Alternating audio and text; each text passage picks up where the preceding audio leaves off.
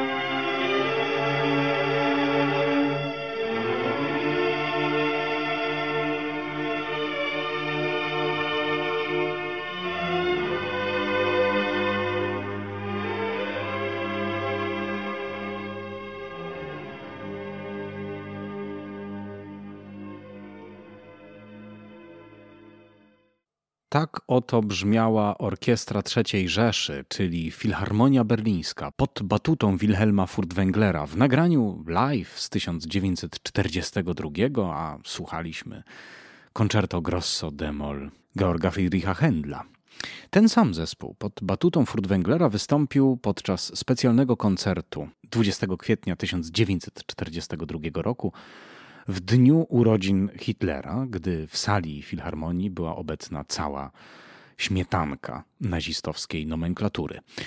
Wykonali wówczas dziewiątą symfonię Beethovena, a koncert poprzedziła przemowa Goebbelsa wychwalająca cnoty wodza na czele z dążeniem do zaprowadzenia na świecie pokoju.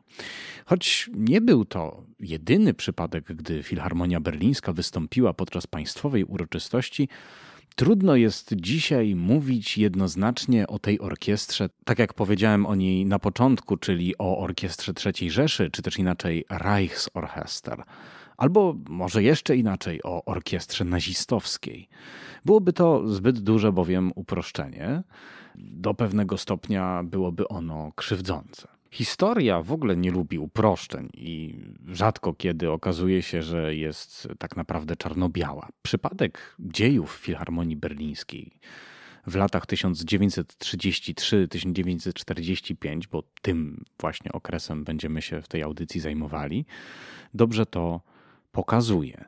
Aby zrozumieć powody, dla których ludzie, którzy poświęcili swoje życie sztuce, ludzie wykształceni, o szerokich horyzontach, bez wątpienia znający zasady etyki, mogli wykonać odę do radości na cześć jednego z najokrutniejszych tyranów w historii, jednego z najkrwawszych tyranów, i wystąpić przed ubranymi w brunatne mundury funkcjonariuszami aparatu przemocy III Rzeszy, musimy cofnąć się w czasie.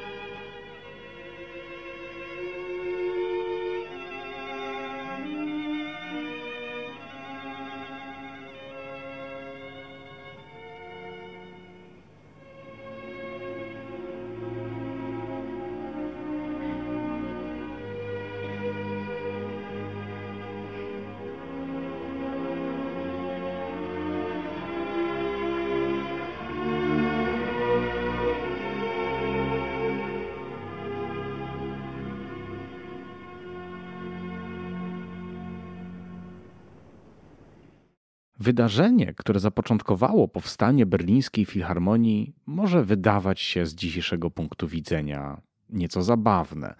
Wszystko bowiem zaczęło się od konfliktu pomiędzy niejakim Benjaminem Bilze, urodzonym w 1816 roku w Legnicy dyrygentem, a muzykami orkiestry, której był założycielem. Bilze, absolwent wiedeńskiego konserwatorium, był przedsiębiorczym, przewojowym i mądrym szefem. Stworzył bowiem taki model zespołu, który polegał na wciągnięciu i zaproszeniu w jego szeregi młodych ludzi, którzy chcieli się uczyć, ale których nie było na to stać. Udzielano im więc darmowych lekcji, ale w zamian oczekiwano, że będą występowali, że wezmą udział w wyjazdach, że będą po prostu odpłacać pracą naukę, którą odbyli. Bilze umiał przyciągnąć e, skłonną płacić za bilety publiczność, tym, że bardzo mocno różnicował programy. Coś, co dzisiaj jest normalne w życiu filharmonii, że mamy koncerty z muzyką najnowszą, koncerty z muzyką, z, powiedzmy z kanonem, tak, z klasyką, z Beethovenem, Brahmsem, Brucknerem, Malerem i tak dalej, i tak. E, przeplatane muzyką filmową, jakimiś e, koncertami tematycznymi i tak. To właśnie było coś, co Bilze robił jako jeden z pierwszych. Było to bardzo innowacyjne działanie. I myśl takiego układania programu pod tytułem Dla każdego coś miłego udawało mu się zapełniać salę. Bilzesche Kapelle, jak nazywał się ten zespół, od 1867 roku rezydował w Berlinie, ale często także podróżował. I właśnie w całej tej zabawnej historii, o której tutaj mówię, o podróż poszło. Otóż y, w 1882 kapela Bilzego miała wystąpić w Warszawie. I kupiono muzykom bilety na pociąg, uwaga, uwaga, w czwartej klasie. Muzycy uznali to za tak uwłaczające ich godności i pozycji, że w liczbie aż 54, czyli no, zapewne to było 3 czwarte orkiestry, jak nie cała, zbuntowali się i odeszli, zakładając coś, co początkowo nazwali Friere Bilze Kapelle, czyli wcześniejsza kapela Bilzego. Następnie zaś przemianowana została na Filharmonię Berlińską. I tak to się zaczęło. Pierwszym dyrygentem, który występował z Berlińczykami regularnie był Ludwig von Brenner, ale tym, który doprowadził tak naprawdę zespół do rozkwitu i zapewnił mu światową sławę był Hans von Bülow. Bülow to wielkie nazwisko schyłku XIX e, wieku. Niektórzy mówią, że bez niego nie byłoby sławy Brahmsa, Lista czy Wagnera. Dokonał on bardzo wielu prawykonań ich kompozycji, wszedł w rozmaite osobiste koligacje zresztą z nimi. Córka Lista, Kozima, była e, jego żoną, zanim poślubiła Wagnera. To on do Filharmonii Berlińskiej ściągnął też wielkich tamtego czasu Ryszarda Straussa, Gustawa Mahlera czy właśnie Johannesa Brahmsa. Z jego inicjatywy po raz pierwszy za pulpitem stanęła kobieta, Mary Wurm, pianistka i kompozytorka, która poprowadziła wykonanie swojego utworu, jeszcze była solistką w mm, którymś z koncertów fortepianowych, nie pamiętam którym. Zresztą uczennica Klary Schumann e, i postać bardzo znamienna. Bylowie można jeszcze jedną ciekawostkę podrzucić. Otóż e, mało kto może dzisiaj pamięta, że jako wielki miłośnik i propagator muzyki Fryderyka Chopina ułożył on tytuły do wszystkich preludiów E, ale one się jakoś nie przyjęły, y, poza mm, chyba jednym, czyli deszczowym. Tak, to von Bülow wymyślił właśnie to określenie preludium Desdur Fryderyka Chopina. Po Bülowie w 1895 roku pierwszim dyrygentem berlińskiej filharmonii został Artur Nikisz, który wydawał się być całkowitym przeciwieństwem swojego poprzednika. W o wiele większym stopniu stawiał on na y, jakość brzmienia zespołu, dyrygował niewielkimi, oszczędnymi gestami, y, stawiał na intuicję, nie trzymał się żelaznego harmonogramu prób, nie przepadał też za eksperymentatorami, ale dokonał z orkiestrą kilku rzeczy, które zapewniły jej pozycję na świecie. Między innymi poprowadził zespół podczas uroczystości koronacyjnych cara Mikołaja II w Moskwie. A także dał świetny koncert w Paryżu, który nieco przełamał lody pomiędzy dwoma krajami zwaśnionymi od czasów wojny francusko-pruskiej. To Nikisz przeprowadził zespół przez trudny czas I wojny światowej. Wówczas to od 1914 do 1918 roku orkiestra zagrała, uwaga, aż 631 koncertów. E, głównie w Berlinie. 102 z nich miały charakter charytatywny i zebrano w wyniku tych koncertów 2,5 miliona marek, które później zresztą przeznaczono dla ubogich, dla bezdomnych artystów, rodzin zabitych żołnierzy czy rannych żołnierzy pozbawionych dochodu itd. Tak itd. Tak Większość tych wydarzeń prowadził właśnie osobiście Nikisz. Ponieważ zespół już wtedy został wciągnięty w polityczną grę i wspierał e, kulturalny nazwijmy to soft power Trójprzymierza, nie zapraszano gościnnych artystów z innych krajów, a repertuar ograniczono przede wszystkim do twórców niemieckich i austriackich, czyli coś, co będzie się działo później jeszcze w erze Hitlera znacznie mocniej i znacznie bardziej, ale wówczas już pierwsze takie tendencje były. Oprócz liderów sekcji i solistów większość orkiestry podlegała obowiązkowi poborowemu i musiała iść na front, gdzie wielu z nich zginęło. A mimo to udało się jakoś skład orkiestry uzupełniać i zespół przetrwał ten mroczny, trudny czas. Po zakończeniu I wojny światowej nastał czas kryzysu.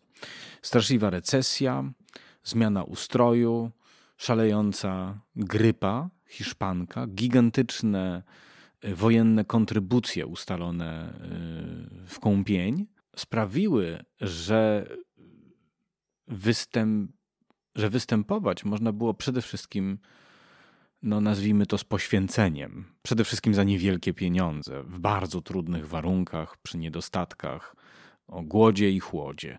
Mimo to orkiestra grała e, zawrotną liczbę około 120 koncertów rocznie. Pomyślcie, że to jest koncert prawie co trzy dni. Przypomnijmy, że to więcej niż w zeszłym popandemicznym sezonie zagrała Nowojorska Filharmonia, która wystąpiła, wystąpiła, jeśli dobrze pamiętam, około 90 razy. W 1922 roku, w wieku zaledwie 66 lat, z powodu grypy, zmarł Artur Nikisz. 27 lat trudnej i owocnej kadencji. Nikisz był uwielbiany, był kochany, był bardzo dobrze wspominany i zapewne jeszcze wiele lat by mógł filharmonią dyrygować, gdyby nie choroba. Po jego śmierci orkiestra wybrała następcę, 36-letniego Wilhelma Furtwänglera. Nie był to rewolucjonista, ale jego osobowość artystyczna była tak silna, że całkowicie zespół przemieniła. Był człowiekiem nieskorym do kompromisów, bardzo zdecydowanym, jeśli chodzi o swój sposób interpretacji, zawsze z gotową koncepcją, zawsze z gotową wizją utworu. Nigdy nie myślał o sobie jako o kimś w rodzaju posłańca pomiędzy kompozytorem, twórcą a y, słuchaczem. Wielu dyrygentów tak o sobie lubi mówić czy myśleć. E, on e, czuł się bardziej za pulpitem dyrygenckim kompozytorem, twórcą dzieła, e, twórcą dzieła, które istnieje tu i teraz. W przeciwieństwie do Nikisza, lubił muzykę nową i chętnie wykonywał dzieła Prokofiewa, Strawińskiego, Bartoka, często wbrew publiczności i jej oczekiwaniom. Był zdecydowany, był uparty, wiedział, co chce zrobić i dążył do tego. Od młodości bardzo wczesnej zakochany był w Beethovenie.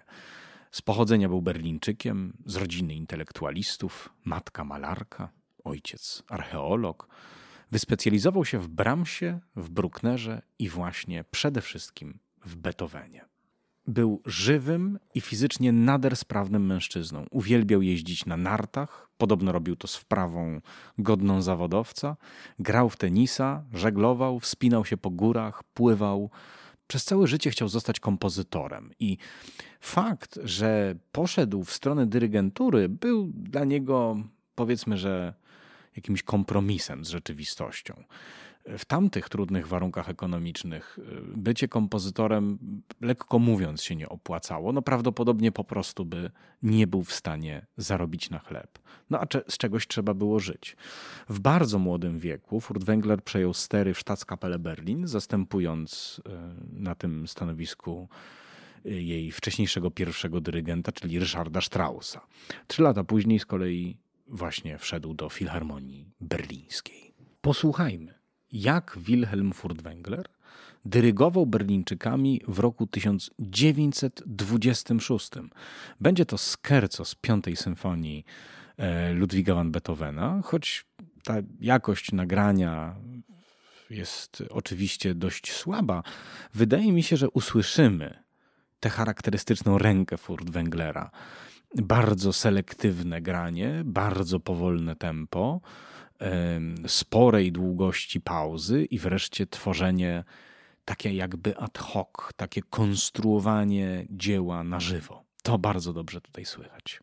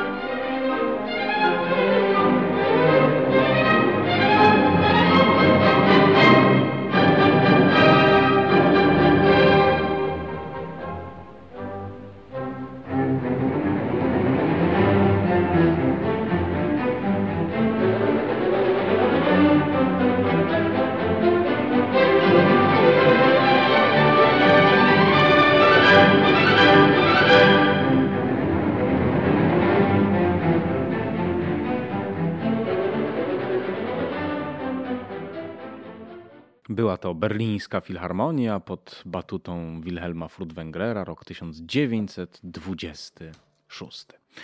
Choć wymieniłem nazwiska von Bülowa, Nikisza czy Furtwänglera, muszę podkreślić jedną ważną kwestię.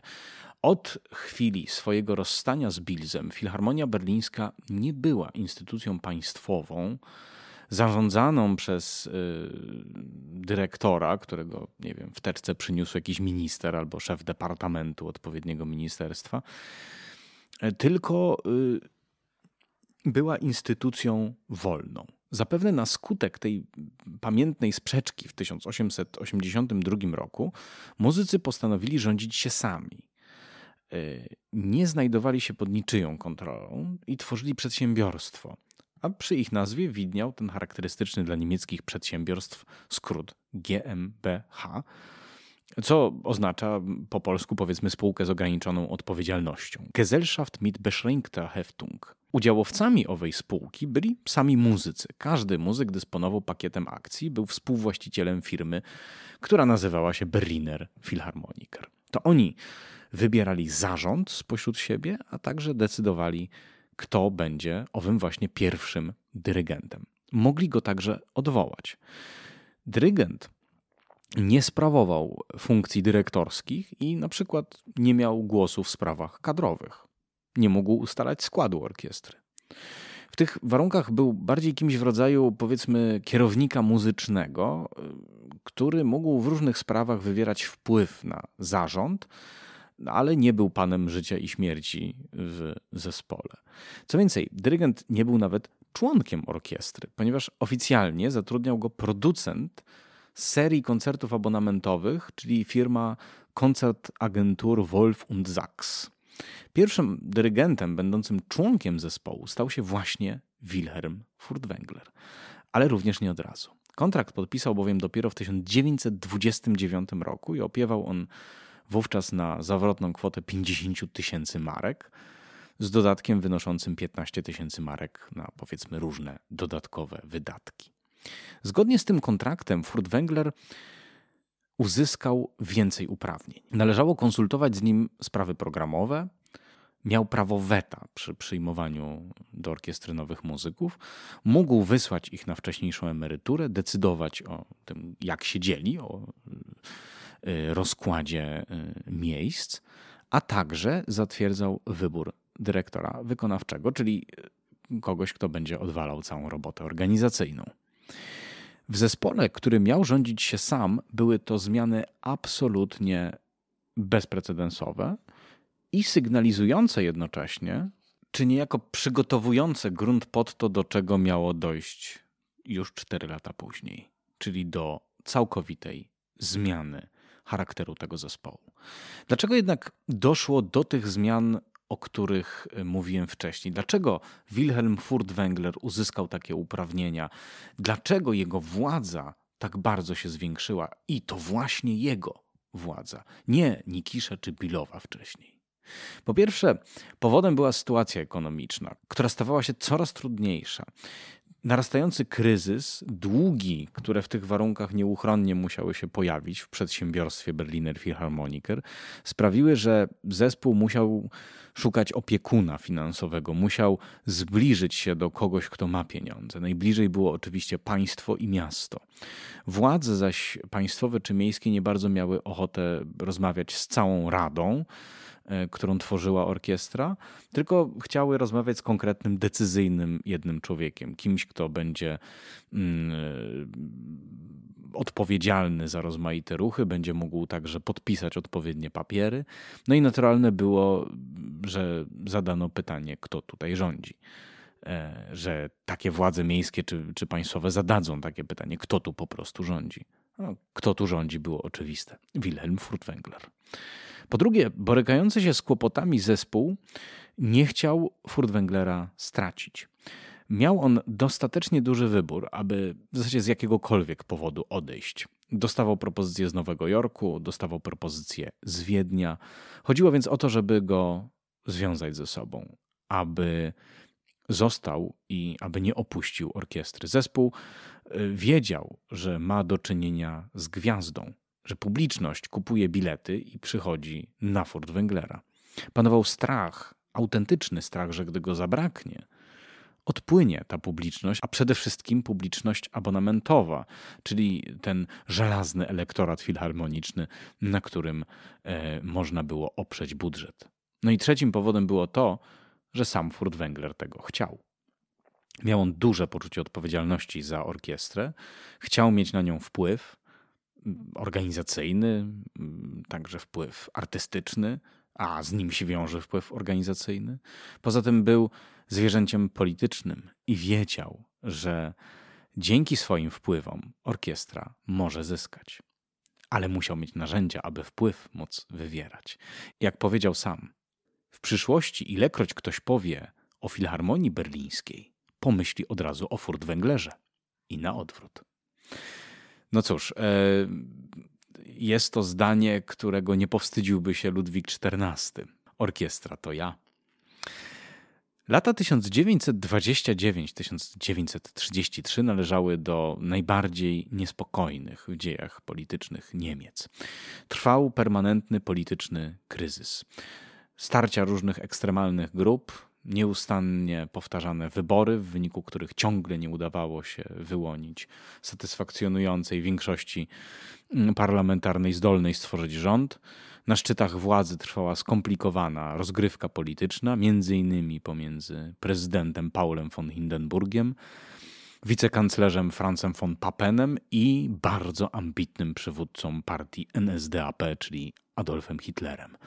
Nie będę się tutaj silił na skrótowe opowiadanie o tym, e, w jaki sposób ta układanka doprowadziła do tego, że 30 stycznia 1933 roku to Adolf Hitler przejął władzę, otrzymał z rąk prezydenta Paula von Hindenburga nominację na kanclerza, bo trwałoby to nawet w skrócie zdecydowanie zbyt długo. Więc zatrzymajmy się przy tej właśnie dacie i od niej idźmy dalej. Dokładnie tego dnia w dziejach Niemiec zaczęła się całkowicie nowa era. NSDAP stopniowo zaczęła przejmować kontrolę nad wszystkimi instytucjami państwa, zaprowadzać swój totalitarny porządek i przekształcać Republikę Weimarską w trzecią Rzeszę. Tymczasem Filharmonia Berlińska zaczęła się chylić ku upadkowi.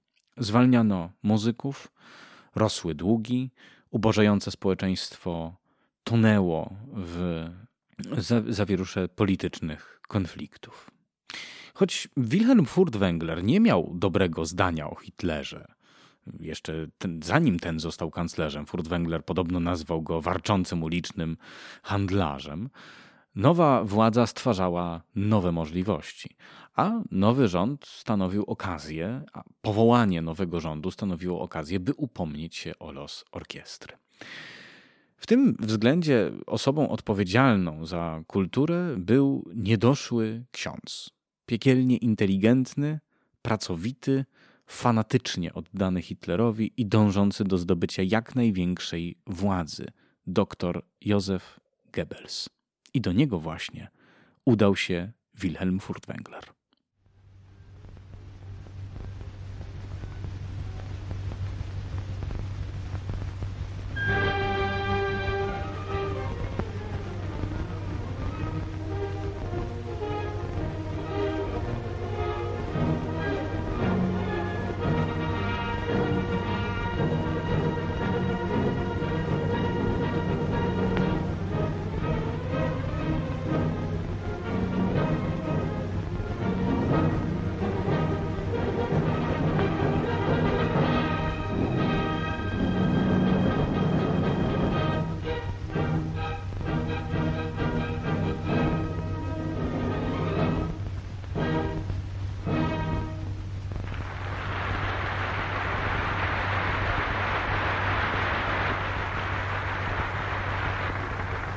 Reichsminister Dr. Goebbels spricht.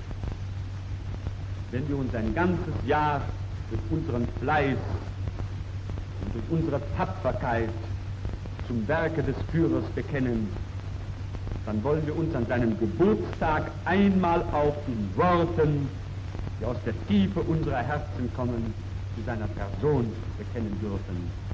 Wünschen wollen wir ihm Gesundheit und Kraft und vor allem eine gesegnete Hand Wissen soll er zu jeder Stunde, dass er sich auf sein Volk verlassen kann. Auch in diesem Kampfe auf Leben und Tod ist und bleibt er uns das, was er uns immer war. Unser Hitler.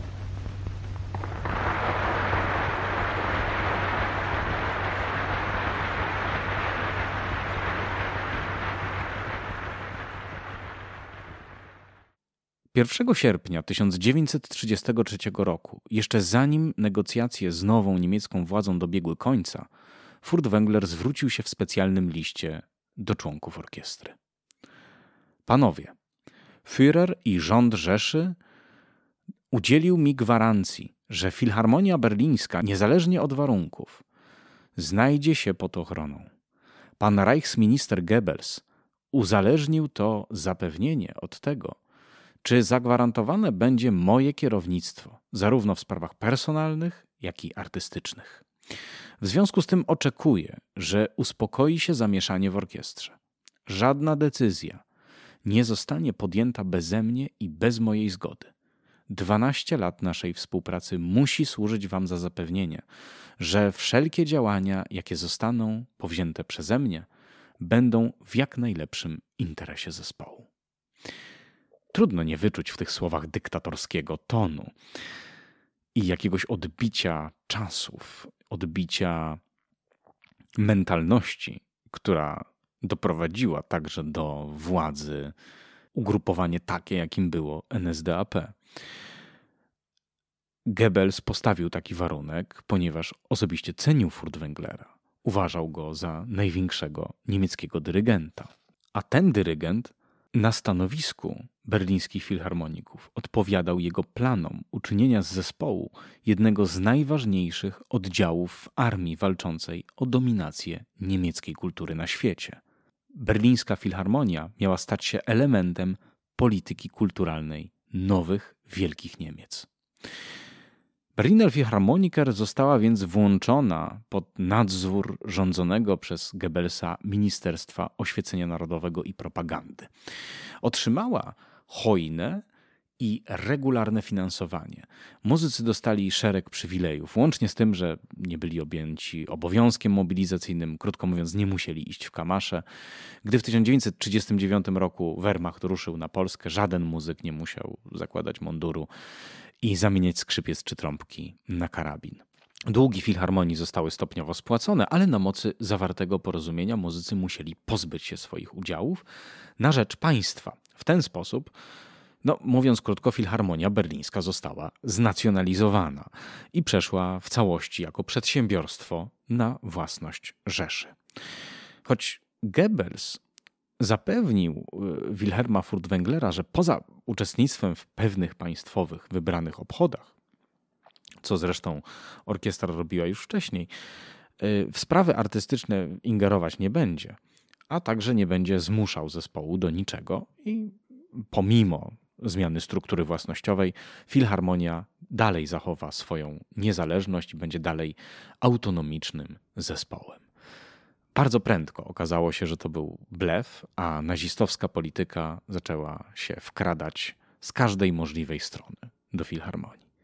Nie minął rok od podpisania umowy, a w zdumienie zadowolonych do tej pory pozytywnymi zmianami muzyków wprawił fakt, że w sali filharmonii, dawnej sali filharmonii berlińskiej, ze ścian zaczęły być zdejmowane portrety niektórych kompozytorów, na przykład Mendelssohna.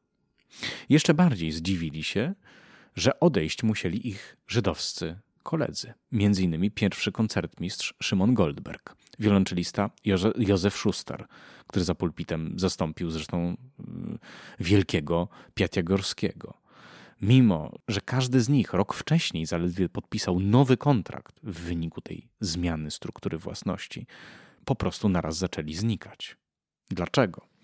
Wywierano na nich podwójny nacisk. Z jednej strony byli poddani presji, aby odejść, z drugiej nikt z nimi kontraktów nie zerwał. Pod groźbą zatrzymania paszportu albo pod groźbą życia w stosunku do bliskich, do rodziny, zmuszono ich, aby na konferencji prasowej przed amerykańskimi dziennikarzami mówili, że odchodzą z własnej, nieprzymuszonej woli. W dalszym kroku pozwolono im, a wręcz ich do tego zachęcono, aby opuścili kraj. Ci żydowscy muzycy z berlińskiej filharmonii, którzy musieli się z orkiestrą rozstać, na szczęście z, po prostu wyjechali z Niemiec. Nie, nikt z nich nie wylądował w obozie koncentracyjnym. Jak zareagowała na to orkiestra? Dlaczego się nie buntowano? Dlaczego nikt nie krzyknął, nie powiedział, że tak nie może być? To jest jeden z najbardziej złożonych problemów, ale podanie kilku powodów pozwoli zrozumieć, dlaczego zespół wobec tej sytuacji zachował bierność. Po pierwsze, Berliner Philharmoniker to był wówczas, i zresztą podobnie jak dzisiaj, szczyt kariery. Doprawdy niełatwo było zrezygnować z stanowiska w tym zespole dla idei, a warunki zaczęły się poprawiać, a zaczęło być coraz lepiej. Po drugie, mamy rok 1934. Zaledwie rok wcześniej został założony pierwszy obóz koncentracyjny w Dachau.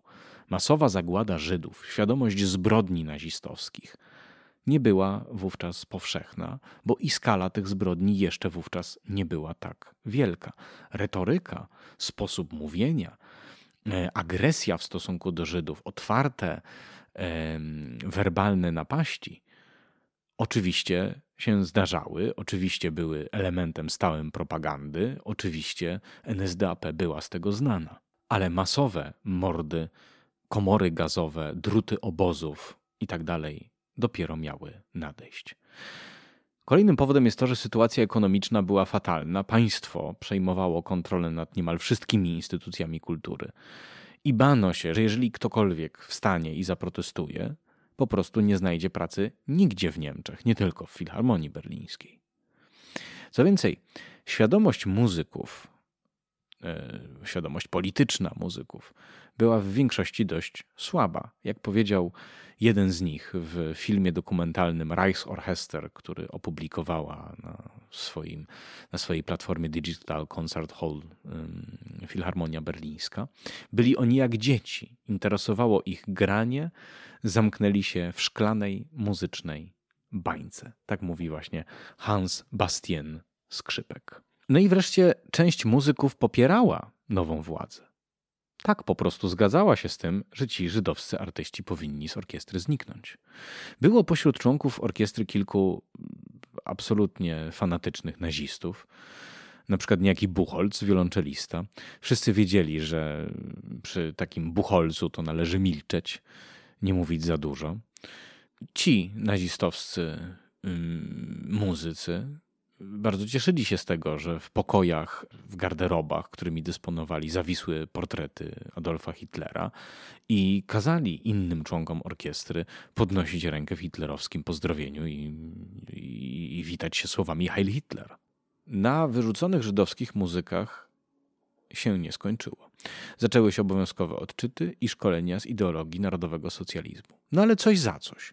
Z drugiej strony każdy mógł wybrać sobie nowy instrument. Bank Rzeszy był hojny i dysponował dużym wyborem. Nie wiadomo, jak wielu muzyków zdawało sobie sprawę z tego, że cenne nowe skrzypce, cenna nowa trąbka, e, cenna nowa wiolonczela, którą e, udało się e, bezkosztowo zupełnie pozyskać, bowiem bank po prostu wypożyczał im, te instrumenty i nie, nie domagał się co chwila ich zwrotu, pochodziły tak naprawdę z konfiskaty żydowskiego mienia. Jeśli wierzyć Heinzowi Bastienowi, niektórzy się tego domyślali. A co na to wszystko Wilhelm Furtwängler? Protestował, rozmawiał z Goebbelsem, osobiście był przeciwnikiem polityki antysemickiej. Co więcej, miał osobistą sekretarkę żydowskiego pochodzenia, Bertę Greismar, która zajmowała się w równym stopniu jego e, prywatnymi sprawami, jak i sprawami samej filharmonii. Presja, groźby i działanie tego systemu, tego nazistowskiego systemu były tak duże, że nawet jej nie udało się obronić i w 1935 roku musiała odejść. Przeciwko polityce nazistów Wilhelm Furtwängler wypowiedział się, e, pisząc list otwarty do Goebbelsa. Ostatecznie widzę tylko jedną linię podziału między dobrą a złą sztuką. Mamy teraz jednak inną linię między tym, kto jest Żydem, a kto nie jest. Nakreślona została z bezlitosną precyzją. W jej obliczu ta, która jest ważniejsza, czyli między dobrą a złą sztuką, ma dużo mniejsze znaczenie. Jeśli ta kampania jest wymierzona także w wielkich artystów, to uderza w interesy Niemiec dotyczące kultury. Tacy ludzie jak Walter, Klemperer, Reinhardt powinni móc w Niemczech prezentować swój talent. To samo dotyczy wielkich żydowskich instrumentalistów jak Kreisler, Huberman czy Schnabel. Jako Niemcy musimy, musimy pamiętać, że jednym z największych naszych skrzypków i nauczycieli był Józef Joachim, a Mendelssohn to część naszej, a Mendelssohn to część naszej niemieckiej historii. Oczywiście te słowa niczego nie zmieniły, a jedynie sprawiły, że Furtwängler nieomal wylądował w obozie koncentracyjnym, bo tam chciał go wysłać szef SS Heinrich Himmler. Bronił go jednak przede wszystkim Goebbels oraz Hitler, co ciekawe, który bardzo go cenił jako dyrygenta. Choć przez kolejne lata Furtwängler ciągle opowiadał się za mm, Żydami, starał się im pomagać, Kilku z nich wyciągnął z obozów koncentracyjnych, wielu załatwił wyjazd za granicę, a także w ogóle nie utożsamiał się z nazistowską polityką. Niczego tak naprawdę na dłuższą metę nie wskórał. Tolerowano fakt, że nigdy nie używał nazistowskiego pozdrowienia, że odmawiał dyrygowania Horst Wessel-Lied, czyli pieśni SA. Nigdy także nie wstąpił do partii. Gorąco zrobiło się wokół niego, gdy 25 listopada 1934 roku opublikował list poparcia dla Paula Hindemita.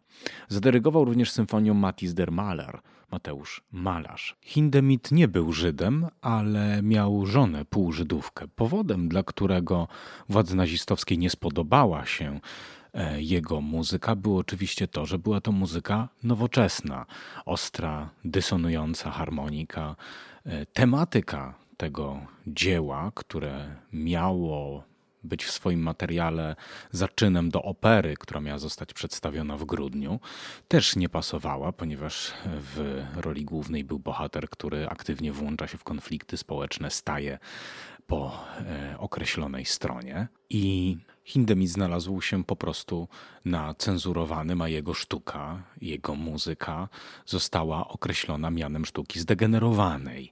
Później na wystawie właśnie pod hasłem Sztuka zdegenerowana znalazły się zarówno jego prace teoretyczne, jak i jego e, partytury. E, w końcu ta opera miała premierę, ale w Szwajcarii nie udało się, nie udało się jej e, w końcu wystawić w Niemczech. Sprawa wywołała gigantyczną medialną burzę, w wyniku której Furtwängler na znak protestu zrezygnował z zajmowanego stanowiska. Chciał on wówczas wyemigrować, ale na to mu nie pozwolono. Czy też inaczej, Goebbels zagroził, że jeśli to zrobi, nigdy nie zobaczy swojej matki, nie będzie też powrotu. Ponadto Furtwängler czuł się odpowiedzialny za Filharmonię Berlińską, za swój zespół. I został. W 1935 roku doszło do układu między nim a Goebbelsem. Dyrygent musiał przyznać oficjalnie, że politykę kulturalną Niemiec kieruje nie on, tylko Adolf Hitler. W zamian za to oddano mu paszport, przywrócono mu stanowisko szefa berlińskiej filharmonii. Nie musiał on też dyrygować na oficjalnych państwowych uroczystościach i w latach 1933-45 zrobił to bodaj tylko dwa razy. Wcale to jednak nie zmienia faktu, że relacja z nazistowskim reżimem miała swoją cenę i wielokrotnie był Furtwängler wciągany w rozmaite sytuacje, w których niekoniecznie miał ochotę wziąć udział. 25 kwietnia 1935 roku po raz pierwszy po tej krótkiej przerwie dyrygował koncertem. Był to koncert e, poświęcony Beethovenowi i tuż przed samym koncertem, dosłownie na kilka minut przed wyjściem na estradę, e, Furtwängler dostał informację, że na koncert przybyła cała śmietanka. mm, nazistowska, przybył Hitler, przybył Goebbels i rozmaici inni notable, co podobno doprowadziło go do absolutnej e, wściekłości. Sądził, że to jest zwykły abonamentowy koncert i przynajmniej tam nie będzie musiał ich oglądać. Ale nie dość na tym. Wraz z całą tą ekipą przybyli także fotografowie. Ich obecność nie była przypadkowa. Chodziło o to, że gdy Furtwängler zakończył występ, powinien był odwrócić się, mając świadomość, że na sali jest sam Führer, powinien był odwrócić się i pozdrowić wielkiego wodza nazistowskim pozdrowieniem. On tego jednak nie zrobił. Stał przed orkiestrą z batutą uniesioną w górę i jakby zamarł w bezruchu. Widząc, że ta sytuacja ma wymiar polityczny i charakter polityczny, bowiem każdy inny dyrygent odwróciłby się i pozdrowiłby Hitlera,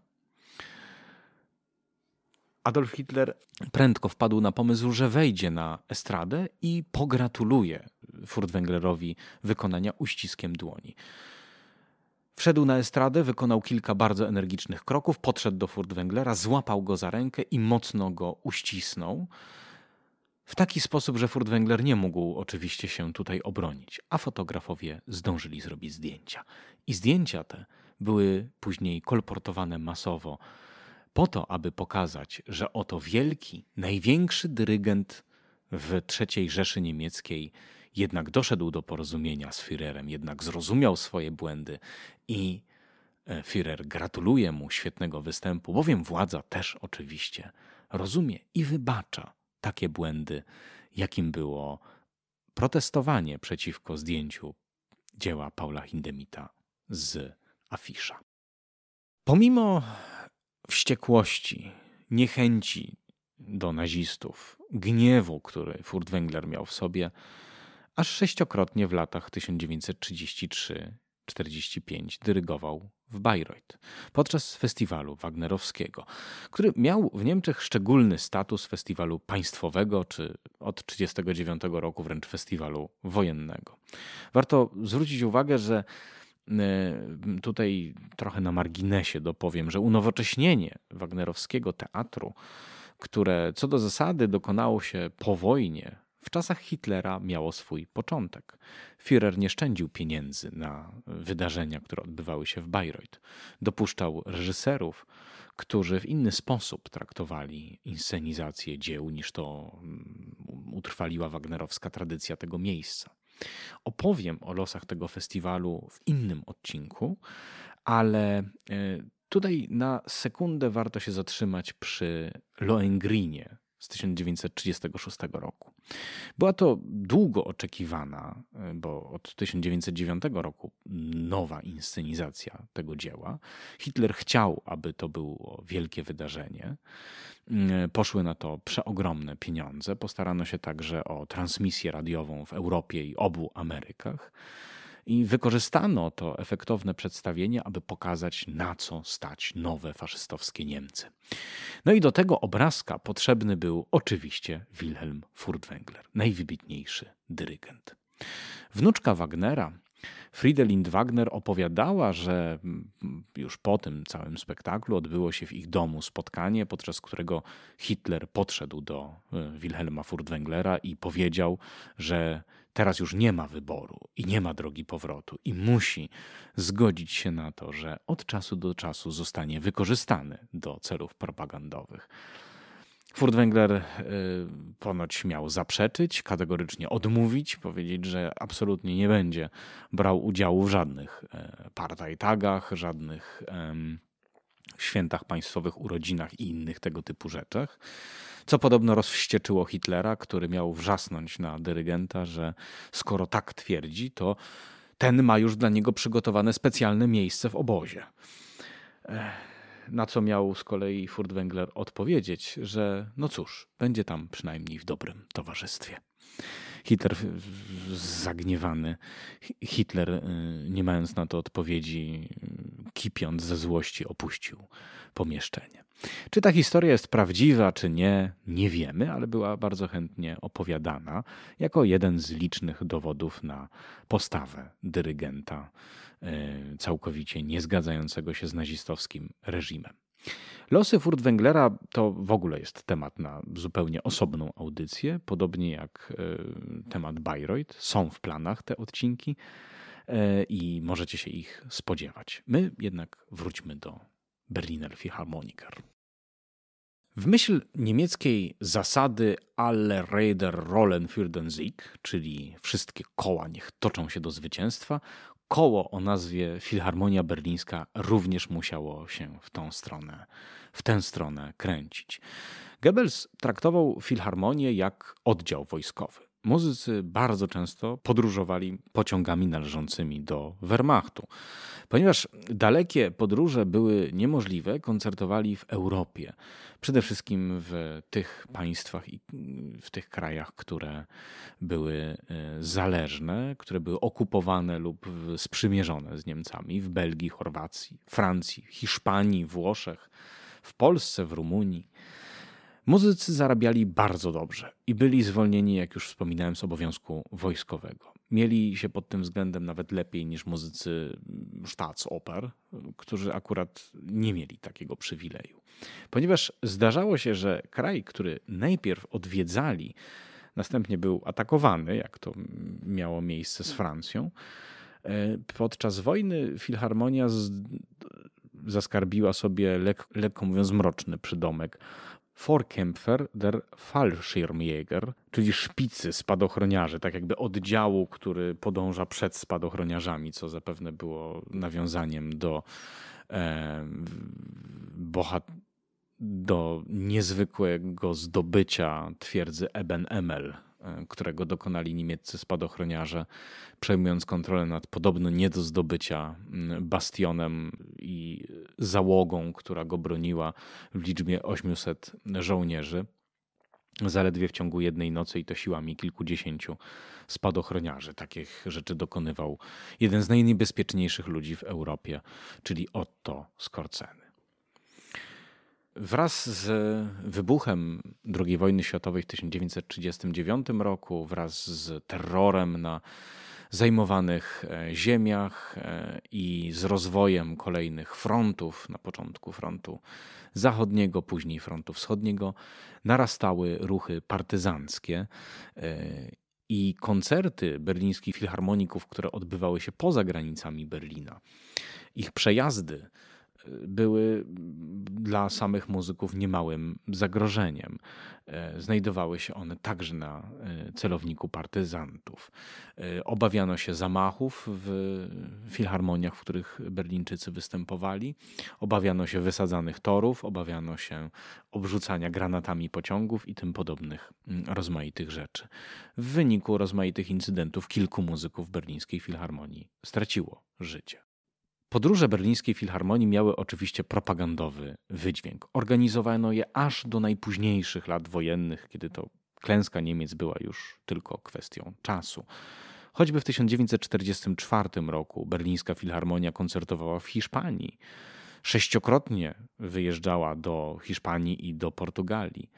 Mm, e, ponieważ wszystkie te wydarzenia były filmowane, to te późne koncerty w Hiszpanii również zostały na taśmach filmowych utrwalone i z dzisiejszej perspektywy myślę, że jest to przerażający absolutnie obrazek. Mamy rok 1944, front wschodni coraz bardziej przesuwa się mm, w stronę Niemiec, rozpaczliwa ofensywa, rozpaczliwa kontrofensywa w Ardenach w tym roku ma się zacząć, a pięknie ubrani muzycy gdzieś tam w Granadzie występują i grają, podziwiani przez y, Hiszpanów, sympatyzujących przecież, y, mówię oczywiście o rządach generała Franco z reżimem Adolfa Hitlera.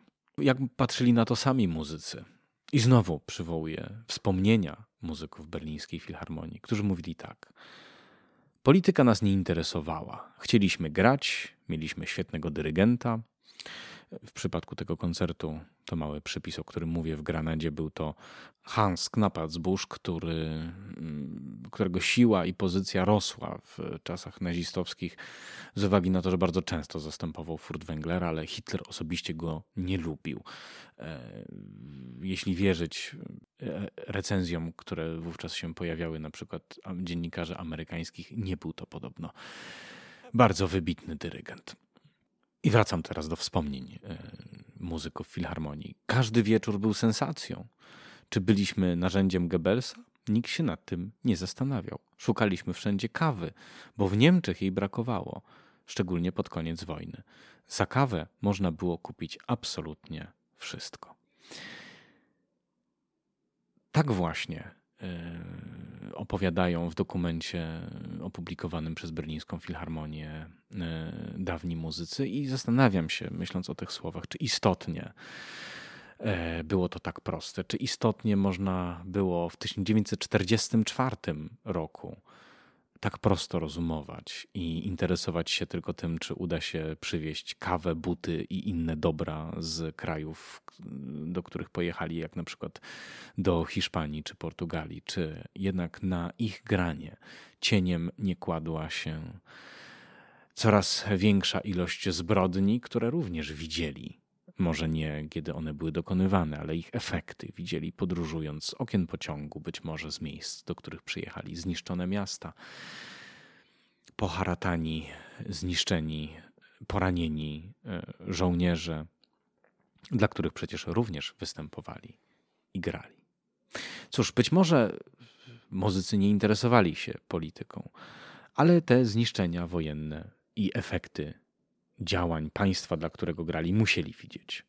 Od 1943 roku bardzo dosłownie odczuwali także efekty wojny w swoim domu w Berlinie.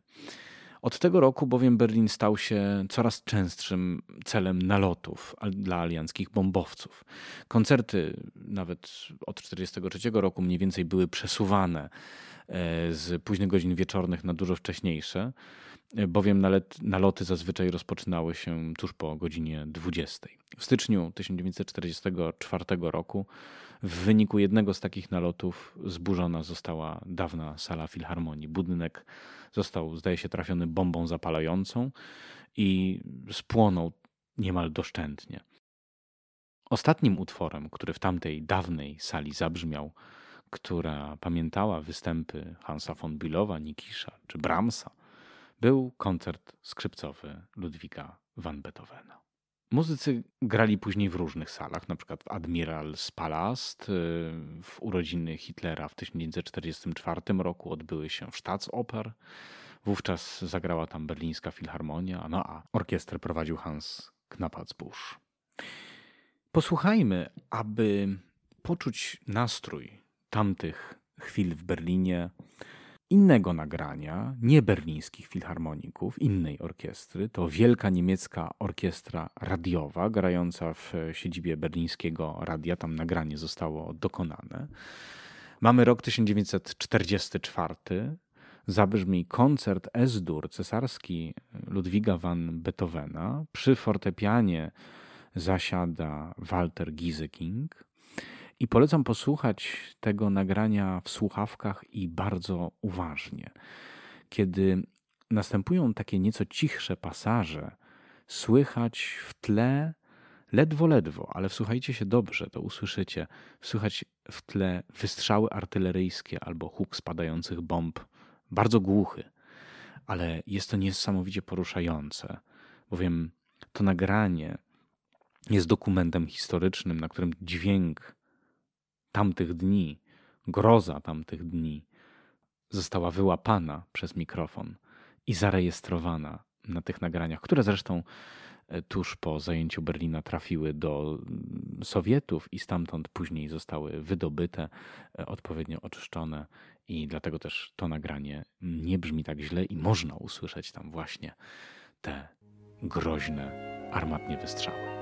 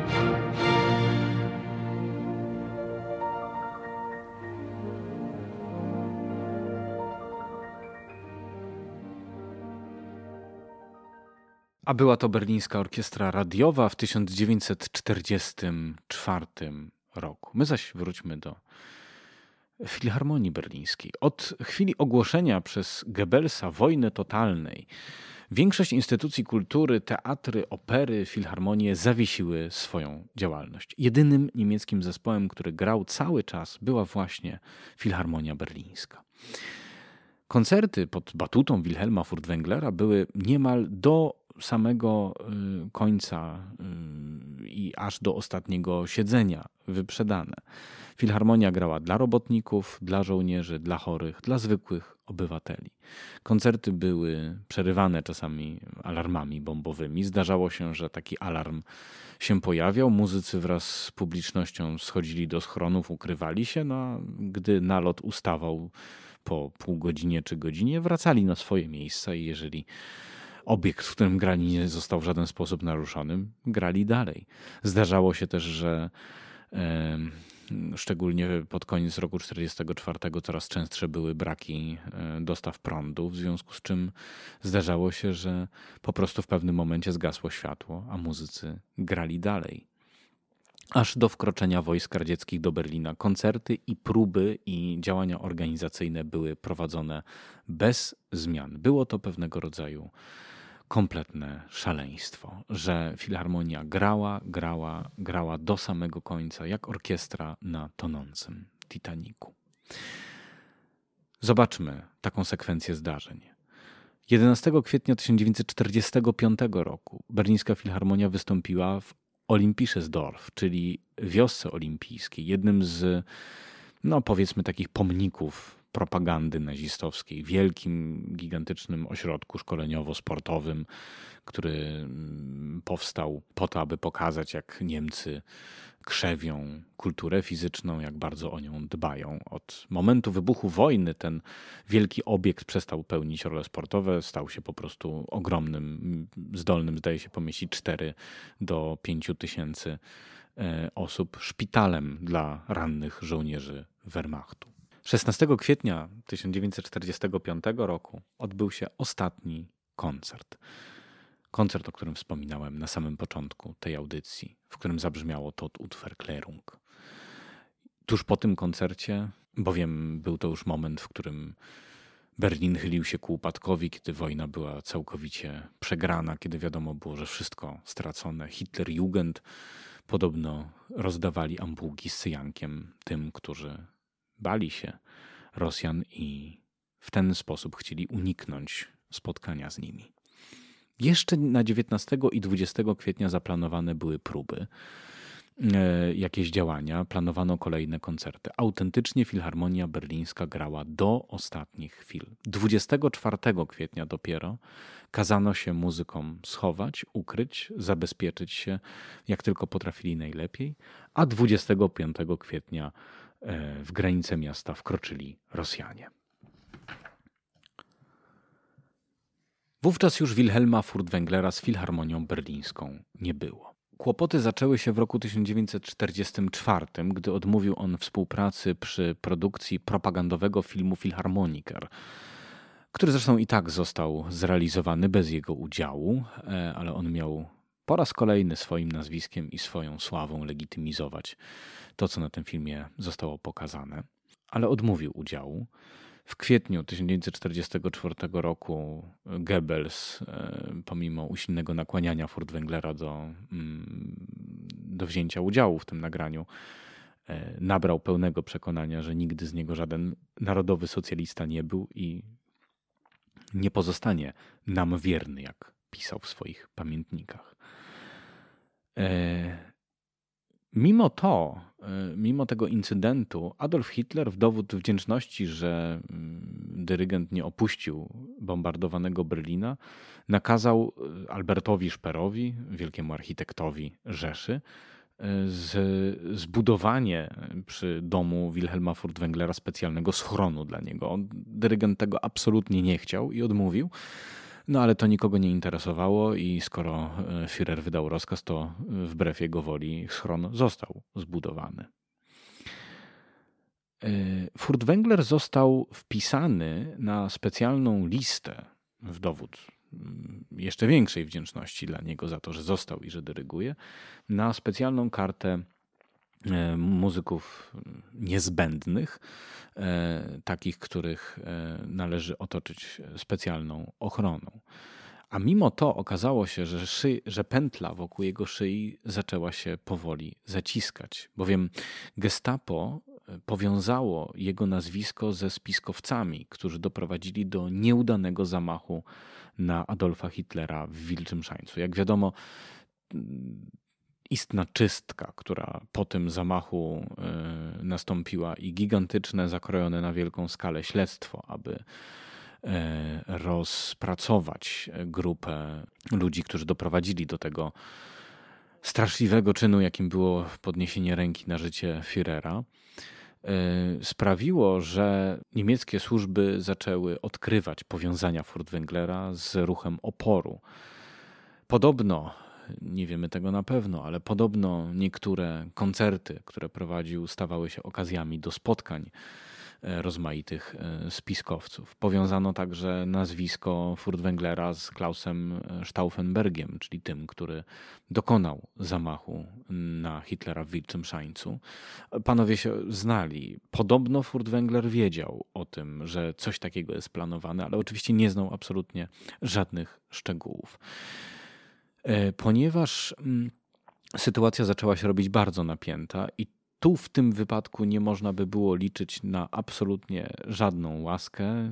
Furtwängler na pewno nie uszedłby e, co najmniej straszliwym torturom, a prawdopodobnie śmierci, e, za, gdyby istotnie doprowadzono do tego, że Gestapo miałoby już twarde, niezbite dowody na jego udział w spisku na życie Hitlera. W związku z czym w styczniu 1945 roku Podobno za radą samego Szpera Furtwängler uciekł z Niemiec, przedostał się do Szwajcarii tuż po koncercie, który poprowadził w wiedeńskiej filharmonii, gdzie prowadził wykonanie drugiej symfonii Johannesa Brahmsa.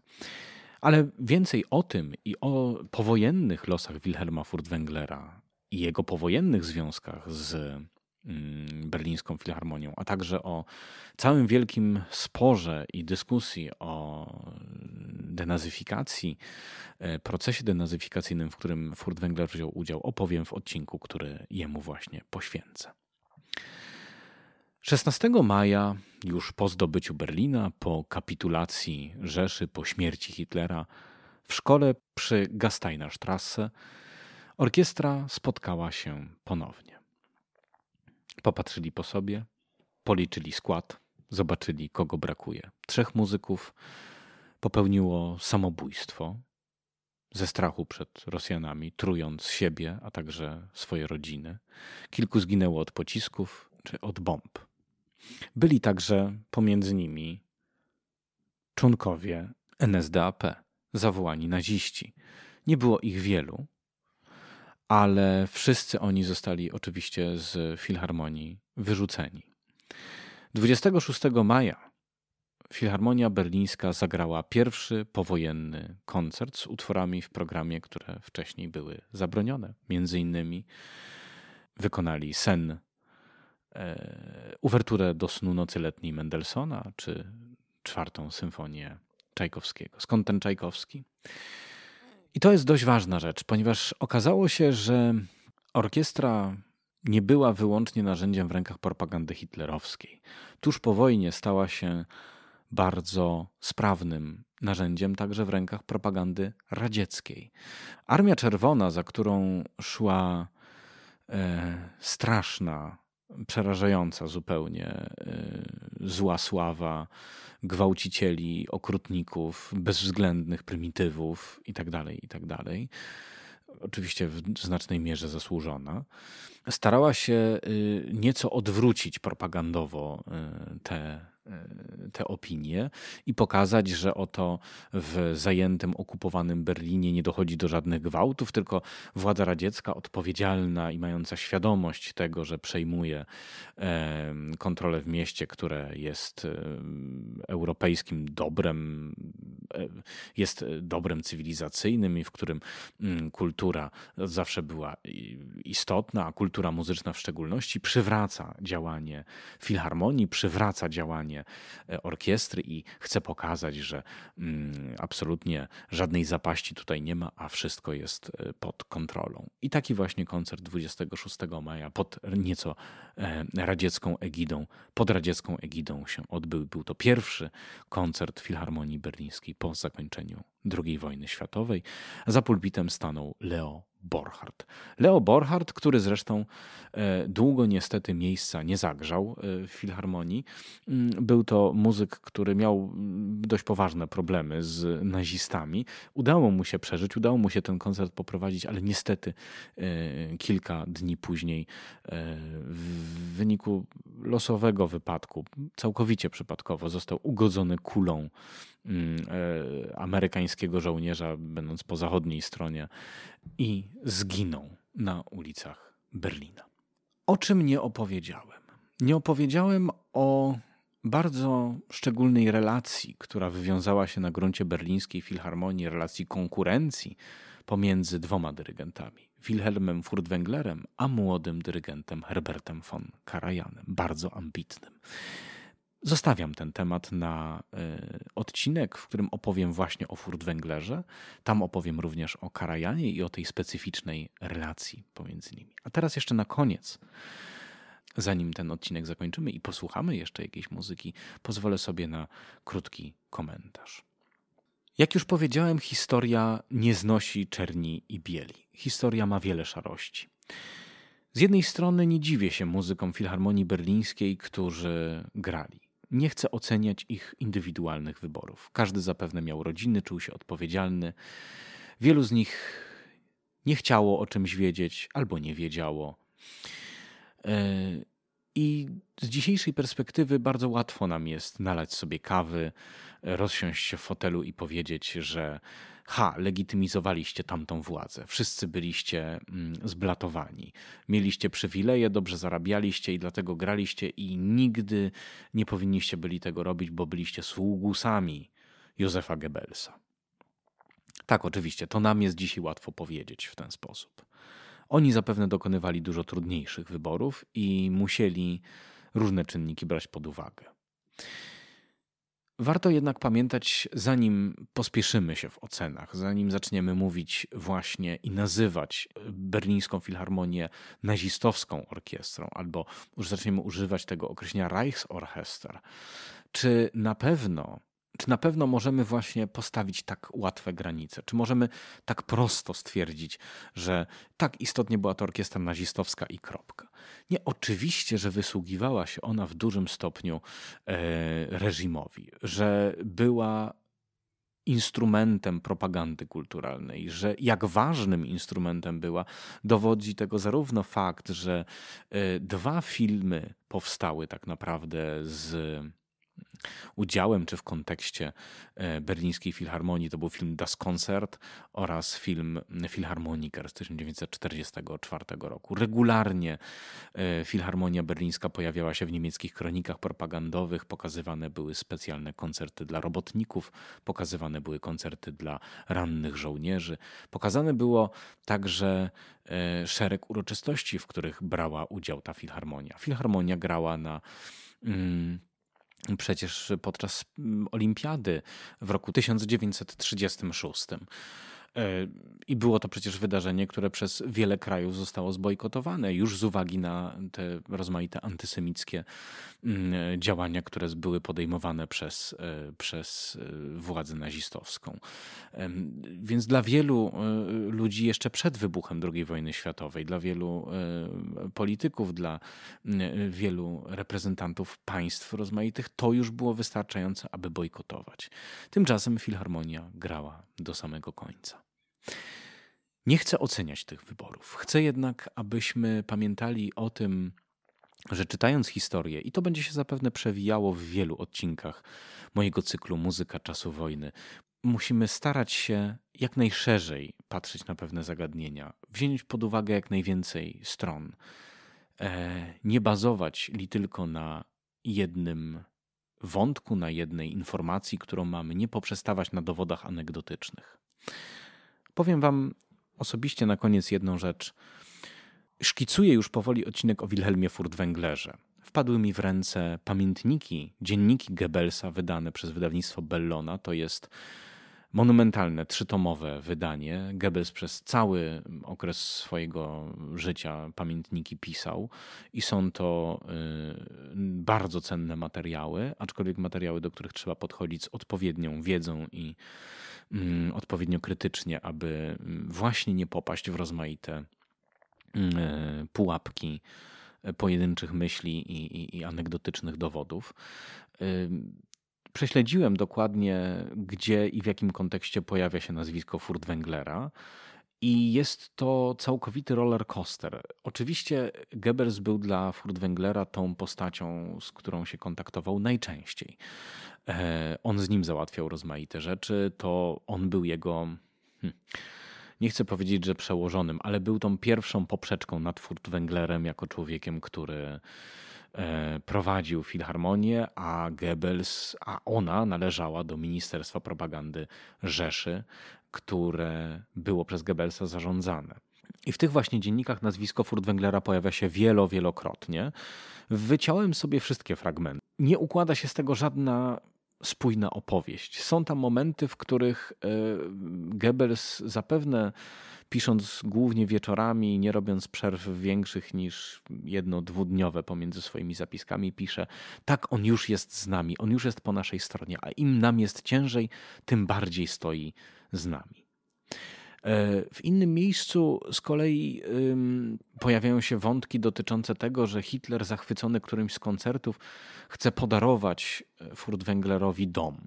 E, jakąś willę, a ten chce ją przyjąć. Nie wiemy, czy to była prawda, czy to nie była prawda. Nie podchodźmy nigdy do dokumentów źródłowych i do tego, o czym czytamy, i do tego typu rozstrzygnięć w sposób e, e, jednoznaczny. Nie bierzmy ich od razu za dobrą monetę, ale badajmy i wnikajmy w głąb. I jeszcze ostatnia myśl na sam koniec. Pamiętajmy jednak o tym, że legitymizowanie rozmaitych działań na rzecz idei mówienie, że ja tylko chciałem grać, mnie nie interesuje polityka, nikogo nie zwalnia z odpowiedzialności, szczególnie gdy minie wiele lat i na jaw wyjdą rozmaite rzeczy.